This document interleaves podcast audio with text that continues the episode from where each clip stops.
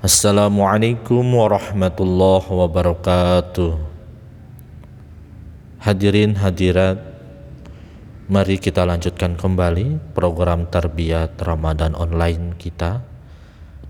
Dan tema kali ini berkenaan dengan nuzulul Quran di bulan Ramadan. Allah Ta'ala berfirman di dalam surah Al-Baqarah ayat 186 A'udzu billahi شهر رمضان alladzi unzila fihi al-Qur'an hudal linnas من minal Artinya bulan Ramadan yang di dalamnya mulai diturunkannya Al-Qur'an sebagai petunjuk bagi manusia dan keterangan-keterangan yang nyata yang menunjuk kepada kebenaran yang membedakan antara yang hak dan yang batil berkenaan dengan diturunkannya berulang-ulang Al-Quran ini di setiap Ramadan. Kita mendapati di riwayat dalam hadis sahih Bukhari. Allahumma salli ala Muhammad wa ala ali Muhammad kama sallaita ala Ibrahim wa ala ali Ibrahim wa barik wa salim innaka hamidum majid. Anna bin Abbas radallahu anhu maqal wa kana Jibril alaihi salam yalqahu kulla laylatin fi Ramadan hatta yansalikha ya'ridu alaihi Nabi sallallahu alaihi wasallam Al-Qur'an.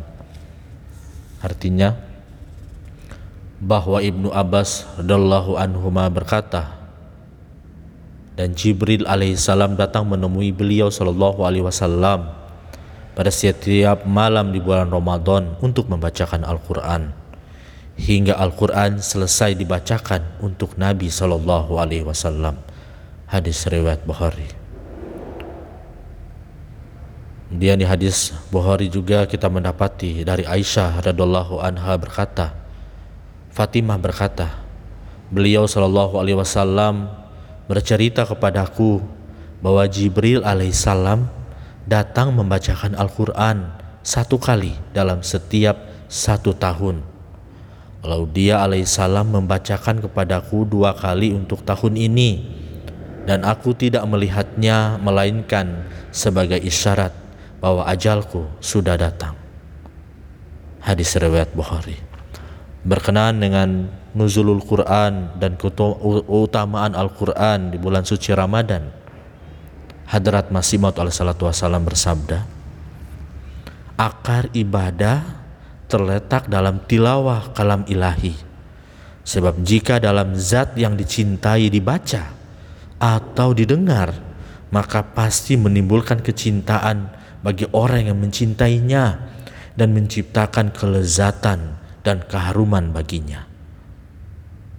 Nasihat penting bagi kamu sekalian adalah janganlah kamu meninggalkan Al-Quran sebagai benda yang dilupakan, sebab Justru di dalam Al-Quranlah terdapat kehidupanmu. Barang siapa yang memuliakan Al-Quran, dia memperoleh kemuliaan di langit. Barang siapa lebih mengutamakan Al-Quran dari segala hadis dan dari segala ucapan lain, akan diutamakan di langit.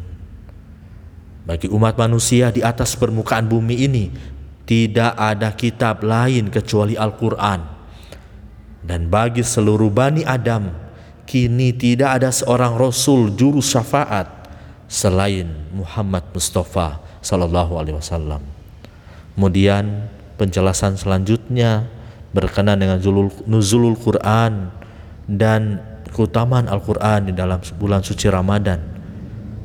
Kita mendapati nasihat yang begitu berharga dari hadirat Khalifatul Masih Al-Khamis Ayullah Ta'ala bin Nasiril Ajiz di mana beliau bersabda, "Karena keagungan bulan Ramadan ini, ganjaran puasanya juga sangat tinggi. Sangat tinggi dan begitu besar sekali. Namun ganjaran itu bagi orang-orang yang memenuhi hak-hak puasa berkaitan dengan Al-Qur'anul Karim." dan hak-hak itu adalah sambil berpuasa harus banyak-banyak membaca Al-Quran, merenungkan dan menelaahnya arti dan tafsirnya. Sebab sejauh yang saya tahu Dan sesuai dengan penelitian saya kata beliau bahwa banyak sekali orang-orang yang tidak memenuhi hak-hak Al-Qur'an atau tidak membacanya dengan teratur dan sungguh-sungguh. Yang seharusnya membaca Al-Qur'an dengan penuh perhatian, mereka tidak melakukannya. Jika membacanya juga namun hanya sedikit saja, maka perlu mendapat perhatian ke arah ini.